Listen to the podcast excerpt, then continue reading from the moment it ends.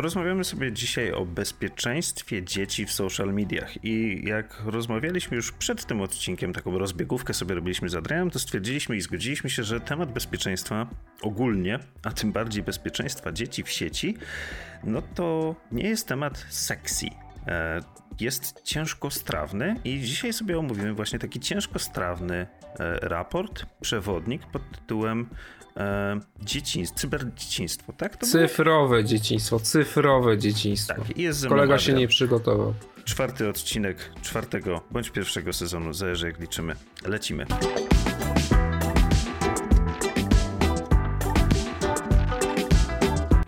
Czwartym odcinku czwartego lub pierwszego sezonu um, witają się z Państwem Adrian.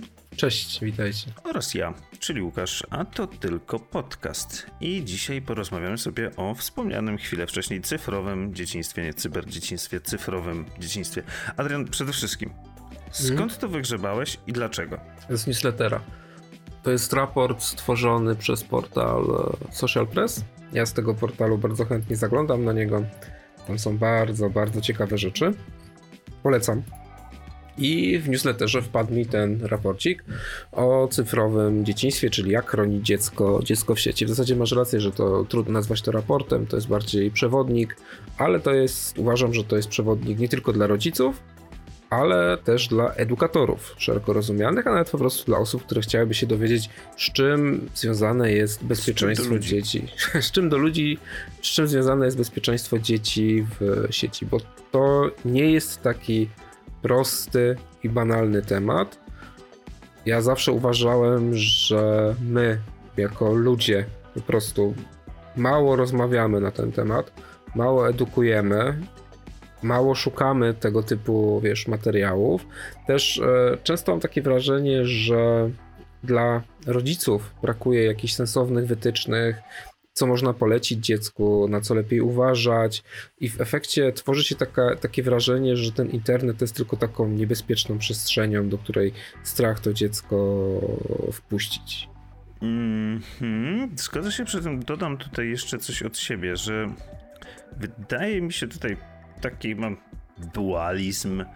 E, bo z jednej strony tak, jest niebezpieczną no. przystanią, że wiesz, na dziecko czekają tam, nie wiadomo kto jest po drugiej stronie. Wydaje mi się, że każdy ze starszego pokolenia Najczęściej na pewno kojarzy tą reklamę. ludzie jak my, było? Hej, ja też nazywam się Kasia i lubię coś tam, nie wiem, rowery, czy coś tam było w tej reklamie i tam był taki gruby typ w takiej, wiesz, żonobijce w paski ubrany. Była taka reklama kiedyś, no nie, że tam była, wiedz, co dziecko robi w sieci i tak dalej. To jest jedna rzecz.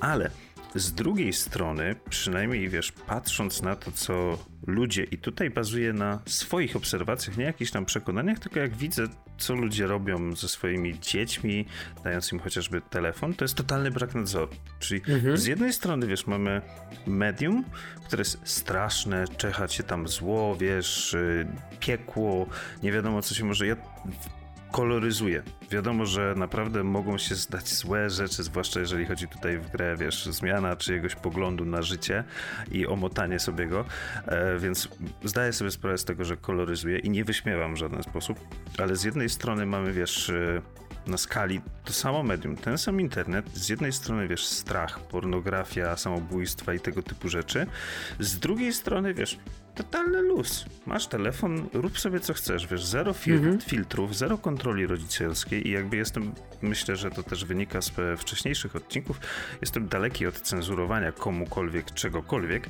ale kontrola rodzicielska jest jednak pewnego rodzaju odpowiedzialnością i tutaj dążę do czegoś, co mi się tak nasunęło, wiesz, w głowie po przeczytaniu tego poradnika, że w sumie wina oczywiście jest po stronie rodziców, no bo dzieci skąd mogą wiedzieć, co mogą, a co nie mogą w internecie. Ale Łukasz, a skąd ty jako rodzic możesz wiedzieć, co możesz, a czego nie możesz w internecie? No właśnie, i tutaj właśnie dążę do tego, co mi się nasunęło po przeczytaniu tego wszystkiego tam, że cholera, przecież dziecko, za, dziecko, za jego czyny odpowiedzialny jest rodzic. Czyli jeżeli ty wypuszczasz, nie wiem, dziecko na ulicę, to twoją odpowiedzialnością jest nauczenie go, jak na tej ulicy się zachowywać. Wiesz, patrzeć, czy jedzie samochód, jak działają światła dla pieszych, jak działa przejście dla pieszych i tak dalej. Wiesz, wytłumaczenie dziecku całego tego środowiska, w którym się będzie obracać. Natomiast internet w ogóle nie jest brany pod uwagę mhm. w takich kontekstach. Może nie w ogóle, ale naprawdę rzadko kiedy jest brany pod uwagę w takich kontekstach i wiesz, nie mówi się dziecku, co, z czym się je i gdzie, o co chodzi.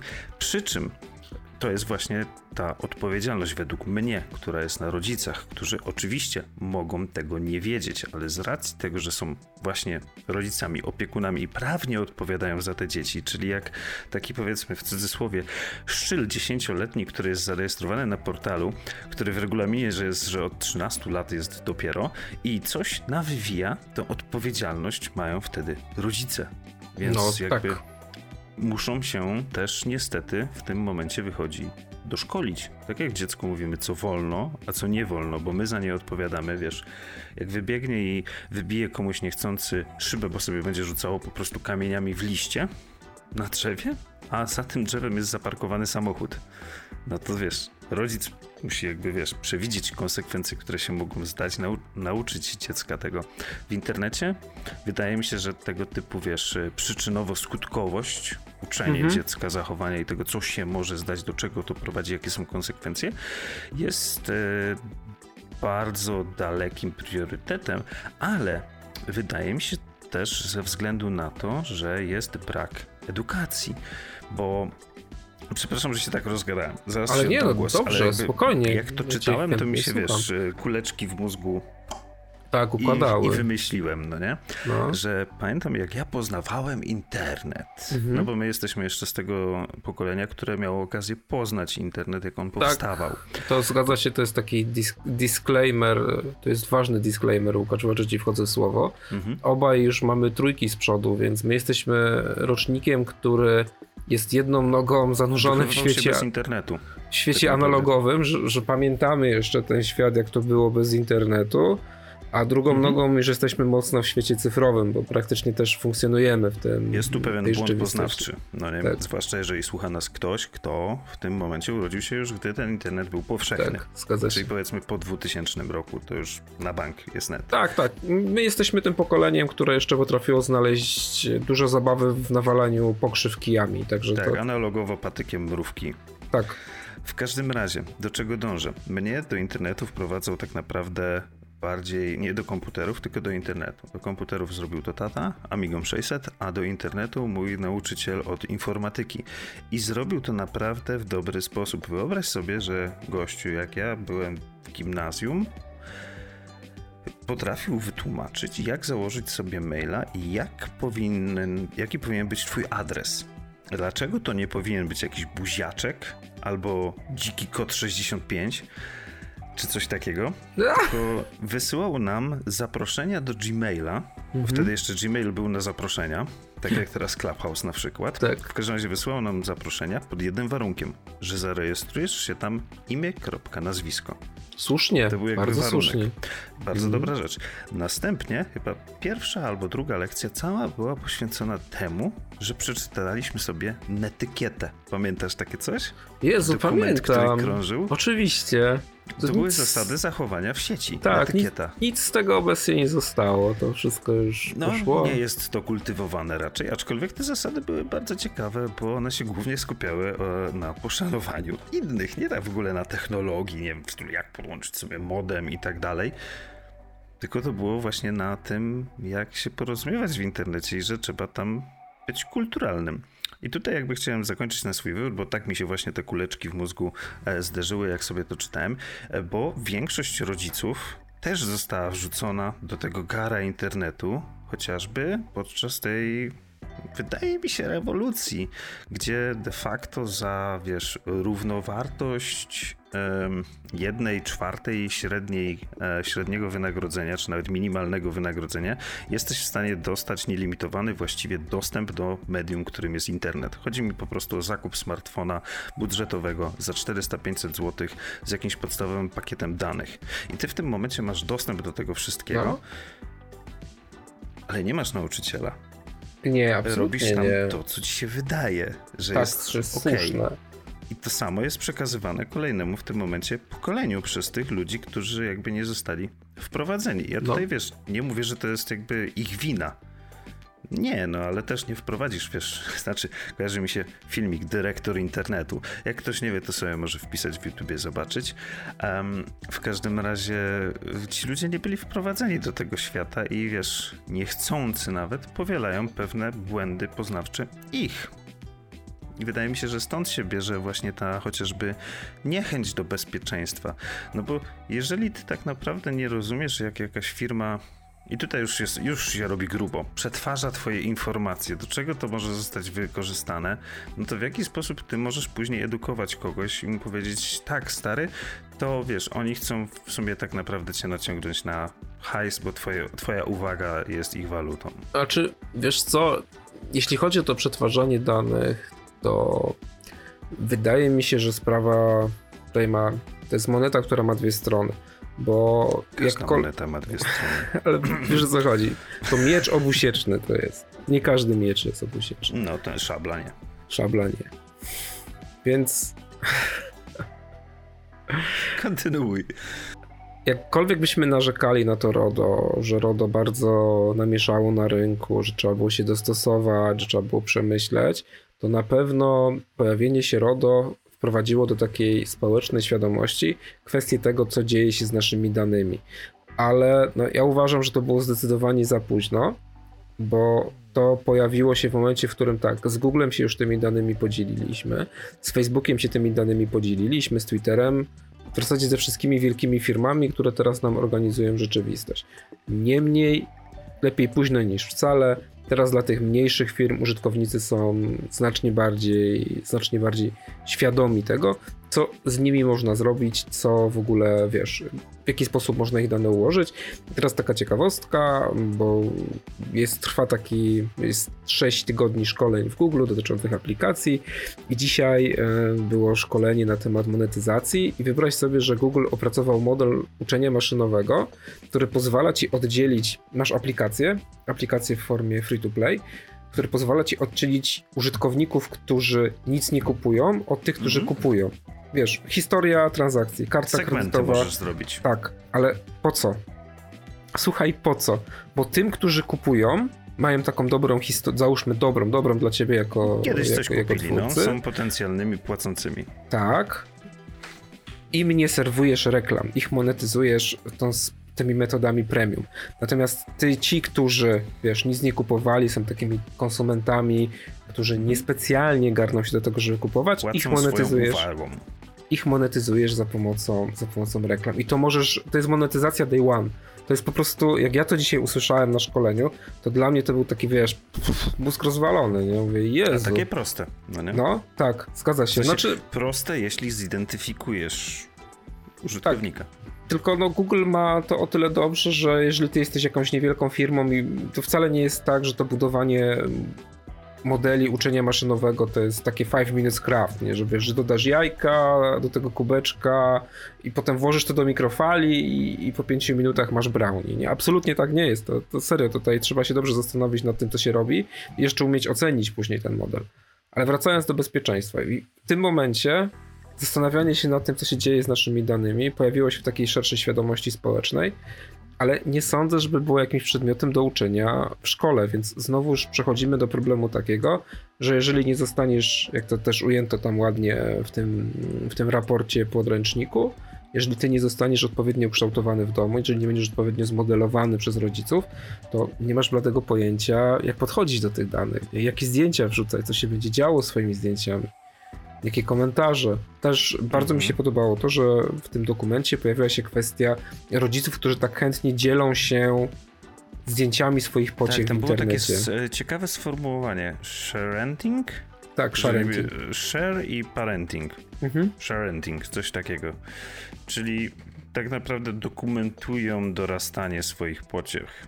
Publicznie. Tak. No bo de facto, no wiesz, no bądźmy szczerzy, jeżeli dokumentują to w internecie, to dokumentują to publicznie. Tak, i to jest dostępne absolutnie dla wszystkich. Nawet... No oczywiście wiadomo, są tam pewne ustawienia prywatności na koncie, gdzie możesz mieć skąd wiesz, publiczne. Skąd wiesz, gdzie szukać tych ustawień prywatności? Czekaj, chciałem powiedzieć, ale to jest możliwość, nie by default, więc jakby trzeba być na tyle świadomym, żeby też właśnie wiedzieć, jak sobie to dokumentować prywatnie. Ale wtedy po co social media? No, nie mam pojęcia, ale to trudno jest mi sobie to w ogóle ułożyć w głowie. I zastanawiam się, w jaki sposób ten problem.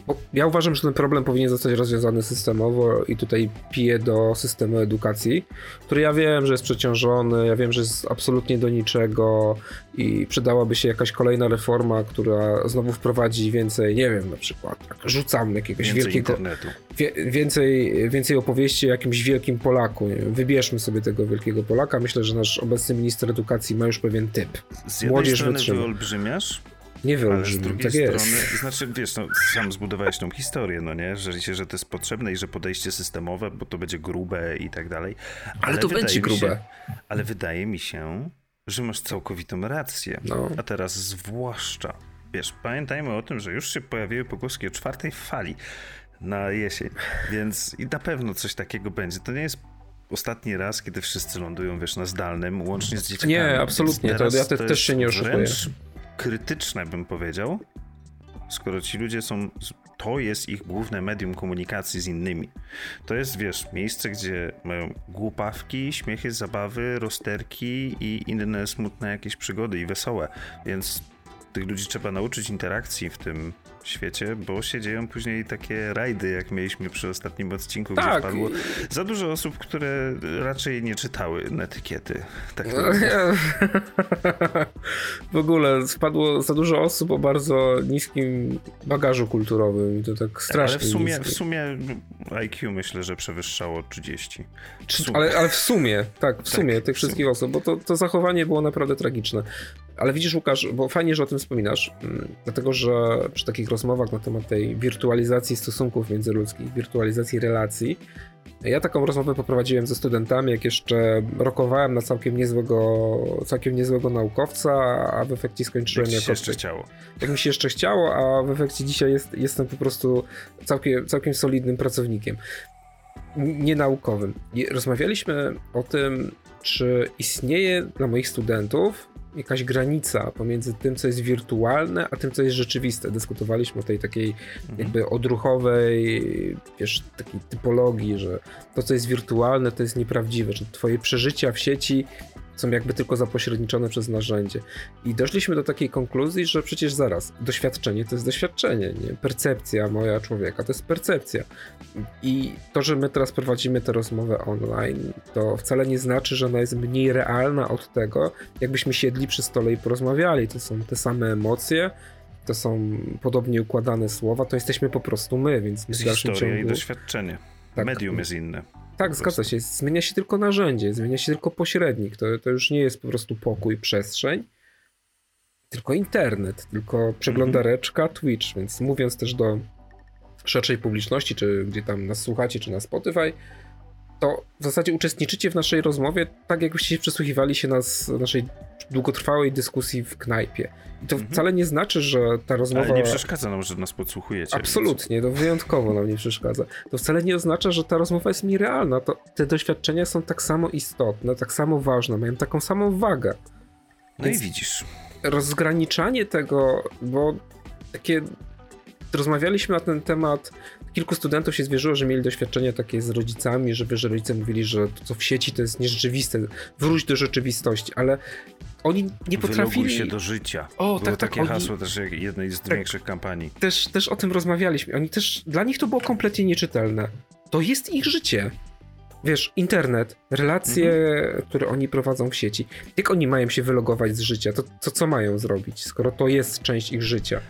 Y, Konflikt pokoleniowy, no nie? To, to myślę, że pandemia też to bardzo mocno pokazała, że to są narzędzia, które jeżeli są rozważnie stosowane, jeżeli są stosowane z pewnym zestawem umiejętności, to one są bardzo korzystne dla takich, wiesz, dla nas, dla zwierząt takich społecznych jak, jak ludzie, jakim, Mhm. jakimi, jakimi jesteśmy. No to niezależnie od tego, czy spojrzysz na smartfon, ja lubię taką analogię, za chwilę się podzielę tą analogią, czy na smartfon, internet, gry sieciowe, na cokolwiek, to są narzędzia i to jest jak młotek. Młotkiem możesz wbić gwóźdź i, i zbudować dom, ale możesz też komuś rozwalić głowę. Więc to jest kluczowe, wiesz, nauczyć się korzystać z tych narzędzi, zastanowić się, w jaki sposób te narzędzia można spożytkować dla swoich potrzeb i dla swoich celów. I nie sądzę, aby to dało się zrobić e, tylko i wyłącznie w domu, uważam, że do tego potrzebny jest długotrwały system edukacji, bo wiesz, myślę o czymś takim, że Prawo jazdy Dla... na internet. Nie, nie, absolutnie nie, nie, nie. Myślę o czymś takim bardziej, że chodzi mi o porządek poznawczy. Ja to kiedyś dyskutując o grach edukacyjnych, e, jak była tak, jest taka seria gier polskich z papieżem i to strasznie było krytykowane w takiej mojej banieczce game devowej i ja się wtedy odciąłem i powiedziałem, ale słuchajcie, czy ktokolwiek z was ma doświadczenie w robieniu gier edukacyjnych? I się okazało, że nikt, bo wszyscy jesteśmy z, takiego, z takich struktur komercyjnych. Więc no mówię, to skąd wiecie, jak to zrobić, skoro tam jest wytyczne, są wytyczne dotyczące percepcji młodego człowieka, że nie możesz każdemu młodemu człowiekowi zaproponować gry RPG o polskich wynalazkach. To mhm. percepcja jego nie jest na to przygotowana. I tak samo przełóż sobie to na dyskusję o świecie wirtualnym. I o bezpieczeństwie. I o bezpieczeństwie. Czy wiesz, abstrakcyjne pojęcia. Dla nastolatka to. Nudna. Czemu nudna? Znaczy, dla nas ona jest ciekawa, ale jeżeli właśnie porównując do tego, co mówiłeś wcześniej, wiesz, rozmowa barowa, bo to ona jest już zbyt głęboka, wiesz, to nie jest temat do pośmiania się w stylu ktoś przychodzi, posłucha dwóch zdań, haha, dobre, no, to ja też to przeżyłem, no nie? Wiesz, to nie jest tak zwany small talk, to jest temat i to jest też to, co ci mówiłem po przeczytaniu tego raportu poradnika. Mówię, naprawdę świetne, kawał dobrej roboty, podoba mi się, fajnie się to czytało, ogrom wiedzy, mięsko, no, jak najszerzej solidne. powinno być dzielone. Przepraszam. W każdym razie moje pytanie brzmiało: ciekawe, czy oni to w jakiś bardziej strawny sposób promują. No bo to jest parędziesiąt stron tekstu tak naprawdę. Mhm. On jest fajnie złożony, dobre kontrasty, fajnie się to czyta, fajnie, da się przez to fajnie przebrnąć. Ale to jest nudne.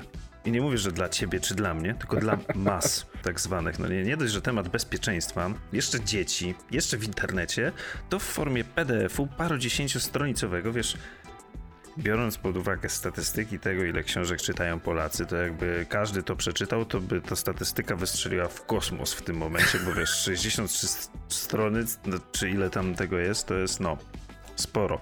Niestety smutna prawda, no nie? W każdym razie właśnie ta forma i też to, co mówisz, czyli e, może nie to prawo jazdy na internet, ale w tym momencie, wiesz, tego typu edukacja, no nie tylko od dzieci musiałaby mhm. się zacząć, tylko właśnie od ich rodziców, na co częściowo jest już za późno, a częściowo jest to zadanie naprawdę ogromne, żeby grube, żeby takie tak. coś zrobić w odpowiedniej formie, żeby trafić tak naprawdę do, do tych użytkowników. A pamiętajmy, że i tutaj się odniosę do danych, które są w tym raportu podręczniku. Dobra, raporcie. W dokumencie możemy mówić. Tak, w dokumencie. O, w tym dokumencie, że w Polsce mamy ponad 28 milionów użytkowników internetu. To dużo w 38-milionowym mhm. kraju. Biorąc pod uwagę, że mamy tutaj też osoby na obydwu krańcach skali, jednocześnie wiesz, e, noworodki oraz osoby bardzo stare, więc te 28 e, dużych baniek użytkowników to jest bardzo sporo.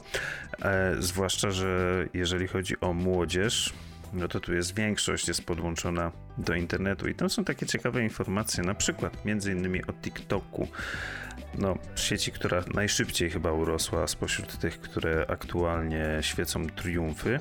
I co mnie zaciekawiło, nie byłem w ogóle tego świadomy, 95% użytkowników TikToka to kobiety. O, no proszę. Z czego jedna czwarta w wieku od 9 do 13 lat, przy czym regulamin TikToka mówi o tym, że serwis jest od 13 lat. To jest interesujący problem. Więc e, jakby to też wiesz, jakby to pokazuje na to, jak bardzo, może nie prawomocny, ale jak wiesz, wiążący jest regulamin. Jak każde regulaminy, to jest, wiesz, no. Ile regulaminów w życiu przeczytałeś? No, będzie trochę. Na pewno tak? mniej niż ty, ale A poświęciłem tego czasu. Nieprzymuszonej i... woli?